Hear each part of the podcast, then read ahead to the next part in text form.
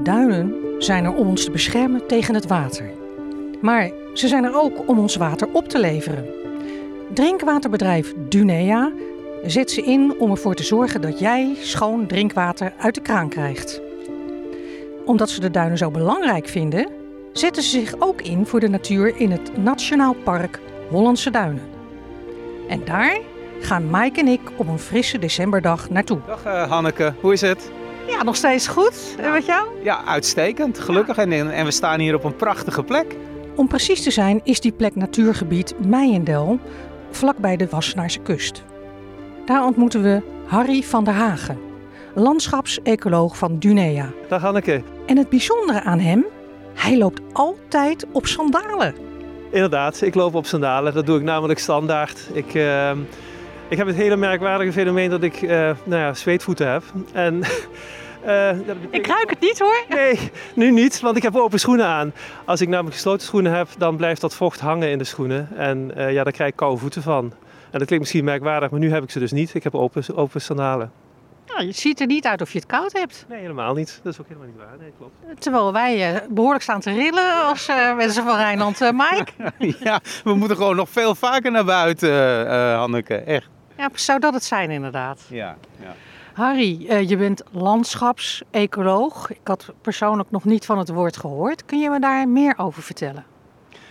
Ja, landschapsecoloog is een bepaalde discipline waarbij eigenlijk alle ecologische aspecten van de natuur bij elkaar komen. Dus je gaat het niet alleen maar hebben over het landschap en de landschapontwikkeling, maar welke planten horen erin thuis, welke dieren horen erin thuis, is het compleet, is het niet compleet. En dat, die, die hele uh, bundel van verschillende factoren, dat is een soort ja, hoedje, dat heet landschapsecoloog. Waarbij je alle aspecten van het landschap gewoon beschouwt die nodig zijn om de instandhouding uh, te regelen. Ja, en ho hoe kwam je daar zo bij? Uh, hè, je, je, zit dan op de middelbare school en uh, dan haal je een diploma. En wist je toen al van, nou, die kant ga ik op? ja, dat wil zeggen, als jonge jongen zat ik, ik ben van boerenafkomst. En ik heb al heel erg vroeg op de tractor gezeten. Ik denk dat ik al op mijn zesde op, mijn, op de tractor zat. Op een John Deere? op een Massey Ferguson.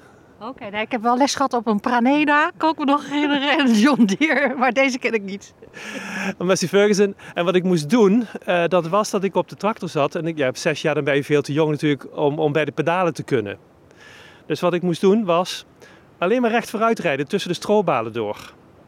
En ik weet nog dat op een gegeven moment mijn vader een beetje vloekend naar voren kwam. Want ik was naar een vogel aan het kijken. En op het moment dat je dus daarnaar kijkt, draai je ook onmiddellijk aan het stuur. Met als gevolg dat ik over de strobalen dreigde te gaan. Dus dat natuurfenomeen, dat zat gewoon in mijn hoofd. En uiteindelijk ben ik dus biologie in, uh, in, in Nijmegen gaan studeren. En ben daar dus zeg maar plantkunde gaan doen.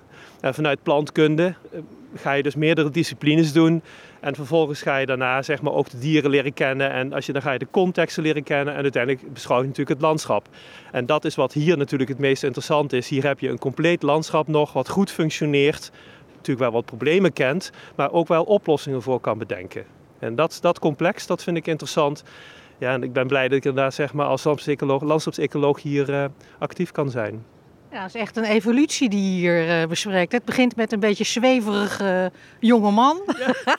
die uiteindelijk dus uh, landt en zich wortelt in dat landschap. Absoluut, ja zeker. Ja, we staan hier op dit moment in een, in een prachtig duingebied. We staan hier bij een huisje met een informatiebord en heerlijke zitbankjes ook. En op dat informatiebord staat in grote letters... Welkom in Meijendel. Heel uitnodigend. Harry, ja. Waarom heb je ons hiermee uh, naartoe genomen? Nou, in feite is dit zeg maar de entree van het gebied waar mensen de informatie kunnen vergaren om het verdere duingebied in te gaan. Duidelijk nadrukkelijk de kaart, waarin zeg maar, het wegenpatroon zit aangegeven. Je kan fietsen, wandelen, uh, met de, met de, als ruiter hier aanwezig kan zijn. We hebben ook een uitgebreid ruidennet uh, door, het, uh, door het terrein heen. En in feite zie je ook wel iets van zeg maar, de, de vorm van het terrein. De zee, de stedelijke omgeving er rondomheen. Den Haag, Wassenaar nabij, Leiden natuurlijk ook nabij. Is ook belangrijk voor de recreatie hier, dit gebied? Ja, het is ongelooflijk belangrijk voor de recreatie. Voor zover de tellingen zijn, op dit moment hebben we ongeveer een kleine miljoen bezoeken per jaar. Kijk, eigenlijk kom je hier alles tegen. Uh, als je even kijkt dat de duinen in Nederland in het algemeen is maar 1% van het landoppervlak. Ga je naar de planten en de dieren kijken en het, en het kijken ervan, 40 tot 70% van alle planten en diergroepen komen voor in de duinen. Dus ze zijn heel cruciaal. Je hebt natuurlijk alle landschappen open, gesloten, bossen, uh, vochtige terreinen, uh, waterpartijen en dergelijke dingen meer. Ja, en die afwisseling, ja, dat maakt mensen erg blij, denk ik. Nou, ik ben eh, zelf ook heel benieuwd uh, wat je ons laat zien van die afwisselingen, Harry. Kom, we gaan uh, verder het gebied in. Ja, laten we verder het terrein in gaan. En dat doen we. We lopen dieper het duingebied in. En op dat moment komen er vier verrassende gasten uit de bebossing lopen. Hé hey, Hanneke, zie je dat? Daar komen vier koeien aan. Zie je ze? Nee, zie je ze? Kom, gaan we een klein beetje dichterbij, maar niet te dichtbij. Ja, nee, precies. Want uh, Harry zei dat we afstand moesten bewaren. Ja. Oh, kijk. Oh, ja, daar. Ik vind die witte mooi, hè? Ja, die zijn prachtig. Ja, ja dus, uh, dat zijn onze Galloway koeien. Het zijn uh, twee gewone zwarte koeien en de twee andere, twee jongere dieren, dat zijn de zogenaamde Belted Galloways. Die hebben een soort van wit laken over uh, het, het, lichaam heen. En ze zijn hier voor de begrazing. En die, ja, die vachten die ze hebben, is dat iets voor de winter of het seizoen? Ja, nee, ze kunnen echt compleet jaar rond kunnen ze hier rondlopen. Ze hebben dus uh, in feite de vacht nu inderdaad voor de winter voorbereid. In de loop van het voorjaar, als het dus wel weer warmer wordt, dan verliezen ze een deel van de haren, met name de onderharen, zodat ze dus weer, weer kunnen afkoelen. Maar het zijn echt dieren die je dus heel gemakkelijk, eigenlijk voltijds buiten kan laten lopen. Sterker nog, ik, toen we deze dieren kochten, toen werd er op een gegeven moment gezegd van nou zouden we niet een schuur voor moeten bouwen. Want onze directeur die vond het misschien toch wel een beetje, beetje, beetje zielig zei hij, nou die mevrouw die de eigenaar van de dieren was, als u dat gaat doen, worden de dieren ziek. Ze moeten buiten blijven. Want dan zijn ze hard en goed geharnast tegen het toch wel ruige milieu wat het duingebied is. En hoe oud zijn ze inmiddels? Ja, de, de, oudere dieren, we zijn in 1990 begonnen met het begrazen. Dus die dieren die zijn er al niet meer. Maar ik denk dat deze dieren die zijn toch al gauw iets van 12, 13 jaar oud. En de jonge beesten die er nu bij staan zijn denk ik dieren van vorig jaar. En is dat van eigen fok? Ja, dat is eigen fok, ja. ja. Ja. En Harry, dat, uh, dat begrazen, wat voor doel heeft dat hier in dit gebied? Uh, dat heeft voornamelijk te maken met de stikstofbelasting. Er komt heel veel stikstof uit de lucht. En als je even teruggaat naar de, de oorspronkelijke situatie, dan is ongeveer 8 kilogram per hectare per jaar is gebruikelijk op een duingebied. In 1990 op de hoogtepunt van de stikstofbelasting was het 45 kilo per hectare per jaar. Dus het zijn allemaal voedingsstoffen die leiden tot een enorme grasgroei. Nou, gelukkig is het al een stukje naar beneden gegaan, 25 kilo per hectare per jaar. Maar we zijn nog niet bij de 8 kilogram per hectare per jaar. Dus om vervolgens dan ervoor te zorgen dat die enorme gewasontwikkeling een beetje in de klauwen wordt gehouden, zodat de kleine en de, de planten waar het in het duingebied echt om gaat, uh, ook een kans te geven, hebben we groot vee ingezet daarvoor. Ik vind het wel een beetje zware beest als je dat op je tenen hebt staan. Ja, ja, licht zijn ze zeker niet. Maar ze hebben wel een heel hoog aaibaarheidsfactor, moet ik zeggen. Als je die, vooral die, die kleinere, zeg maar, met dat, met dat witte, die witte band om hun lijf heen. Die, uh, ja, die, die, die, die, zien er wel heel, heel schattig uit. ja, ik kan niet anders zeggen. maar je merkt natuurlijk ook wel dat nu we hier staan, wij lopen een beetje naar ze toe. En je merkt dat ze ook steeds verder weggaan. Het zijn dus echt best wel schuwe dieren uh, die zeker niet naar mensen toe komen. Kan je ze uit elkaar houden, Harry? Ik niet. Oké, maar er zijn collega's die ze, die ze gewoon individueel herkennen ook. Jazeker, jazeker. Ja. Er zijn mensen inderdaad die individuele mensen kennen. Kijk, we hebben gewoon een veezorgplicht. Het zijn dus geen dieren in de vrije wildbaan, zoals in de Oostvaardersplassen. Het zijn echt dieren die gehouden worden en dus onder het stamboek vallen en gewoon onder de controles vallen van het veeboek. Ja, en de veeteelthouders die wij in ons gebied eh, hebben, die kennen uh, die koeien op hun duimpje. Bertha 1, Bertha 2. Uh, hoe heten ze hier? Oh, dat weet ik helemaal niet. Sorry. ja, daar ga je, hè? maar Harry is niet voor een gat te vangen. Nog dezelfde dag is hij in het stamboek gedoken en heeft ons de namen gestuurd. De koeien heten Beauty of Meijendel 111 en 119. En de kalveren heten Annie en Jessie. We laten de koeien hun gang weer gaan en we lopen door met Harry. Hij neemt ons mee naar een groot meer tussen de duinen. Kijk, Mike, we staan hier bij een infiltratieplas, een van de infiltratieplassen in Meijendel. En, en Harry, kan je, kan je ons uitleggen wat een infiltratieplas is en wat, wat, ja, wat het doel is, wat de functie is van zo'n Ja, plas? precies. Nou, de infiltratieplas is heel duidelijk een onderdeel van de waterwinning. Ehm, de natuurlijke neerslag hier op het duingebied is ongeveer 7 miljard liter water. Maar dat is niet voldoende om 1,3 miljoen mensen water te kunnen geven. Dus we moeten van buitenaf water aanvoeren. En in totaal is het 85 miljard liter water wat we dus eh, af, eh, heet dat, leveren aan onze klanten. Dus dat additionele water wat we dus nodig hebben om eh, zeg maar, de hoeveelheid water, drinkwater te kunnen le- afleveren, dat hebben we volgens nodig en is van buitenaf aangevoerd. Het begint bij de rivier. Ja, wa- want wa- waar halen jullie dat water vandaan? Ja, het komt eh, bij de Anderse Maas vandaan. Dat is bij Slot Loevestein. Dus daar ligt een, Oh, pijp- dat is een enorm eind eh, hier Ja. vandaan, ja. daar ligt een pijpleiding van ongeveer 85 kilometer eh, naar het duingebied toe. Zowel Meijendel als Berkheide als Solleveld. En die buisleiding brengt dus dat water hier naar deze plassen toe en wordt op constant niveau gehouden. Dus wat je ook ziet is eigenlijk een soort groot meer wat continu met nieuw water wordt aangevuld, wat heel ver is voorgezuiverd.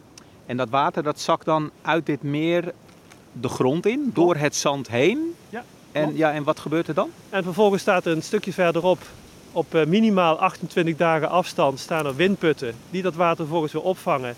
En dan is het water zuiver, bacteriologisch, virologisch betrouwbaar. Vervolgens wordt dat getransporteerd naar Scheveningen bijvoorbeeld, naar, de, naar het, eh, het, het, het gebied waar nog een keer opnieuw een zuivering plaatsvindt. En dan gaat het richting de klant. Oké, dus zo, zo maken jullie dus eigenlijk het drinkwater voor, eh, voor deze regio. Klopt, we maken het op een hele natuurlijke manier. We gebruiken eigenlijk de alle biologische processen die mogelijk zijn om het water te zuiveren, gebruiken optimaal mogelijk. Nou, prachtig, heel interessant. Hé hey Harry, maar als ik het zo beluister, dan zitten wij met die duinen dus heel erg luxe als je kijkt naar waterwinning. Hè? Eh, dus ze zijn hoger, het water kan niet verzilten, die, die, die, die waterbellen. Hoe zit dat met andere drinkwaterbedrijven in Nederland? Hebben die ook die luxe? Nou, in feite, als je kijkt naar de drie of de vier grote waterlijnbedrijven die in de kust zitten, die doen eigenlijk precies hetzelfde. Hè? Zowel in Amsterdam als in Noord-Holland als in, eh in Goeree. Is precies dezelfde soort factoren. Verzilting houden wij dus in feite dus tegen door het in stand houden van die enorme hoeveelheid zoet water die hier in het duingebied zit. Andere waterleidingbedrijven, dat zijn zeg maar de, de, de waterlijnbedrijven van de Pleistocene zandgronden. Die hebben verder geen infiltratie, dus die gaan terug op datgene wat het regenwater ooit heeft toegevoegd aan het bodemsysteem. En daar halen ze het water uit. Maar het zou best eens kunnen zijn dat op een gegeven moment in de rest van Nederland de voorraden van zoet water steeds kleiner aan het worden zijn. Omdat je meer eruit haalt dan je erin stopt. Dus eh, die duinen die zijn eigenlijk fantastisch, hè Mike? Dus niet alleen voor die veiligheid eh, eh, tegen de zee, wat voor ons heel belangrijk is als waterschap, Ja. maar dus ook voor de, de drinkwaterbedrijven. Ja, het is eh, inderdaad eigenlijk, zoals je het al zei, het is een ongekende luxe natuurlijk dat we dat hier hebben. En dat Dunea als drinkwaterbedrijf daar op zo'n ja, natuurlijke manier eh, gebruik van maakt. Het is wel zo dat met de toenemende hoeveelheid mensen die hier komt te wonen, dus eh, er komen hier nog geloof ik iets van 140.000 mensen bij, dat het voor ons ook steeds moeilijker wordt om aan die kwa- kwantiteit te voldoen. Dus ook wij zijn nu bezig met heel nadrukkelijk nadenken over van welke andere middelen kunnen we gebruiken, zowel in het duingebied als anderszins, om te kijken of we de, de kwaliteit en de kwantiteit kunnen blijven behouden. Ja, want, want ik, ik heb ook wel eens vernomen inderdaad van, eh, dat de kwaliteit van het maaswater, hè, waar jullie het oorsp- helemaal vandaan halen, dat dat ook nog wel eens eh, ja, te wensen overlaat in bepaalde periodes. Klopt dat?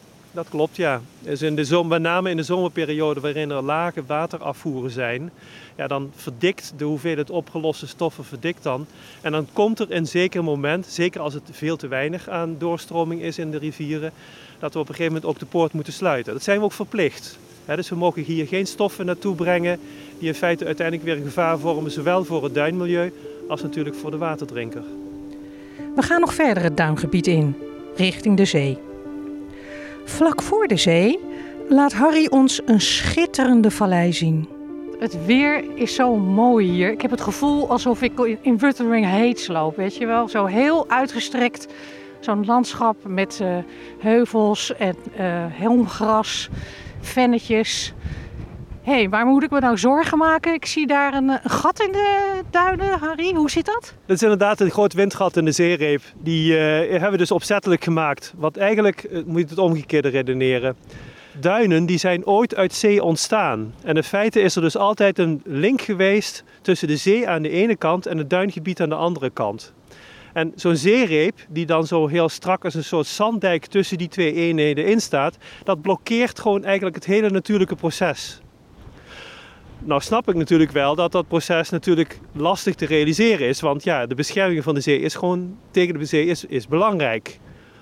Nou, ik heb heel erg lang mijn best gedaan om dat toch voor elkaar te krijgen. Daar ben ik 25 jaar geleden mee begonnen. Het was heel erg moeilijk om daar een voet tussen de deur te krijgen, letterlijk en figuurlijk. Een jaar of tien geleden is het wel gelukt. Toen was een nieuwe dijkgraaf, meneer Doornbos. En die zei op een gegeven moment van ja, ehm, ik snap jouw punt. En ik snap ook wat je wil. Maar het gaat natuurlijk primair om de veiligheid. Maar stel dat er dus wel ruimte is om dat te kunnen doen, daar gaan we aan rekenen. Dan doen we en de bescherming van de zeereep tegelijkertijd met dat proces wat jij graag op gang wil krijgen. En dat is inderdaad gelukt. We hebben dus berekeningen gemaakt. Vervolgens hebben we dus inderdaad kunnen zien dat in de zone achter de zeereep er hele hoge duinen liggen. Dus mocht die eerste zone doorbreken, wat ik niet verwachtte overigens, dan hebben we de tweede zone nog. Dus het is per, per, perfect veilig. En dat is vijf jaar, drie, drie jaar geleden is dat nu langzaamaan begonnen. Daar hebben we die gaten in de zeereep gemaakt. En nou ja, het open zand is zichtbaar.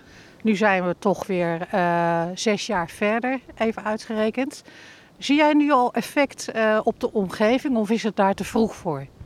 Nee, dat is helemaal niet te vroeg. Het gaat verrassend snel zelfs. We hebben dus de zeereep, uh, die zanddijk, daar hebben we alleen de bovenste anderhalve meter van de toplaag van afgehaald. En dan moet de wind de rest doen. En ik ben eigenlijk stom verbaasd dat zeg maar van die 20 meter hoge zanddijk die dus open lag, dat in vier jaar tijd bijna 12 meter zand is verdwenen op het diepste punt. En dus ook een enorme tong met zand vanuit de zeereep het duingebied in is gewaaid. Al dat stuivende zand is vervolgens weer goed voor de natuur in de duinvallei waar we staan. En dat zien we ook in dit gebied. De duinen zijn begroeid met heel veel schitterende planten. Wat, uh, wat, wat, wat, wat, wat, zie je hier, Harry? Ja, eh, we staan hier nu uh, bij een vochtige duinvallei, de Kikkervalleien. Eén dag per jaar is deze duinvallei open, hè, want in principe is dit een afgesloten gebied. En die vochtige duinvallei die functioneert waarbij het water, wat gedeeltelijk dus uit die infiltratieplassen komt, het meeste water gaat natuurlijk richting onze windputten, uh -huh. maar een klein gedeelte stroomt ook hier naartoe. Okay. En omdat die kwaliteit zo verschrikkelijk goed is van het infiltratiewater, zijn ook deze duinvalleien optimaal van kwaliteit. Dan zie je dus alle plantensoorten die gewoon thuis horen in zo'n vochtige duinvallei, orchideeën. Waaronder dit plantje hier, dat is een restant van een uh, vleeskleurige orchis. Maar het icoon van de vochtige duinvalleien, dat is dit plantje. Dat is Panacea. Oh ja. Heel mooi wit bloemetje. Uh, die zeg maar complete tapijten hier, uh, als je hier in augustus bent. Oh, zo laat in het jaar bloeit Ja, die dat? bloeit relatief laat in Ja, het ja. jaar. Oké. En dan heb je compleet witte tapijten heb je hier vervolgens. Nou ja, dat is, dat is prachtig om hier dan te zijn. En die kwaliteit is dus hier fantastisch goed. Ik kan je het niet laten zien, want die zijn inmiddels allemaal weg. Maar er zijn zelfs één plantensoort die hier 185 jaar geleden voorkwam. Is met het herstel van deze vochtige duinvallei weer teruggekomen in dit gebied. En welke soort is dat? Dwergbloem. Oké, ja, heb ik geen beeld bij, maar Anderhalve, Hij- anderhalve centimeter groot. dat wou, ik, dat wou ik net zeggen. Hij zal niet heel groot zijn, denk ik. Precies. Heel klein, heel klein bloemetje is het. Maar het is op zich fantastisch dat als je de, weet hoe het systeem in elkaar zit, hè, dus weet hoe het landschap in elkaar zit, dat je dan zeg maar ingrepen kunt doen en in feite dus de kwaliteit die je vroeger had, die hier ook daadwerkelijk aanwezig is geweest, dat je die weer terug weet te krijgen. Ja. En, en wat maakt nou zeg maar voor deze planten, eh, nou ja, dit stukje, Waar- waarom staan deze planten hier? Wat is hier dan anders dan verderop eh, in het gebied? Ja, duidelijk is het de vochtige duinvallei, dat is natuurlijk het vocht, hè, het kwelwater. Maar tegelijkertijd met het kwelwater komt kalk bij. We zitten hier in de kalkrijke duinen en die kalk maakt dat vervolgens dat fosfaat, een van die voedingsstoffen, Mhm. immobiel wordt. Ah, ja. Met als gevolg dat het voedingsstofgehalte extreem laag hier is. En alleen de specialisten, die weten dan vervolgens te overleven. En niet de generalisten. En dat zijn nou precies die bijzondere plantjes. Precies, en dat zijn precies die, die orchideetjes, een panacea en Ja. zo'n werkbloem bijvoorbeeld. Ja, nou, schitterend zeg om te zien. Ja, het is echt geweldig. Ja, we zijn hier nu natuurlijk eh, aan het begin van de winter. Dus het ziet er wat dat betreft allemaal door uit. Maar als mensen, ja, ik begreep, ja, het publiek kan hier niet bij. Behalve dan één dag. Eén, eh, één dag, ja. We, Kijk, het is wel zo dat natuurlijk uiteindelijk zeg maar, het, de ingrepen die wij doen, die worden door publiek geld betaald. Er zijn een aantal terreinen bij de Libellenvallei, wat zuidelijker. Dat is, een compleet, dat is een compleet openbare vallei. Daar kan iedereen elk het jaar, het hele jaar rondkomen. komen ook heel veel mensen. En genieten inderdaad ook van die natuur. Maar sommige gebieden moeten we gewoon afsluiten voor de rust van de natuur en de rust van de broedvogels. En de kwetsbaarheid van de plantjes. Absoluut. Ja, Nou, dankjewel Harry. Fantastisch. graag gedaan. Ja. Helaas moeten we toch weer dit mooie gebied verlaten. Terug naar de druk bevolkte stad. Gelukkig kunnen we in de volgende aflevering weer de natuur in. Wil je meer weten over het Nationaal Park Hollandse Duinen en over wat ons waterschap doet voor de natuur? Kijk dan op Rijnland.net.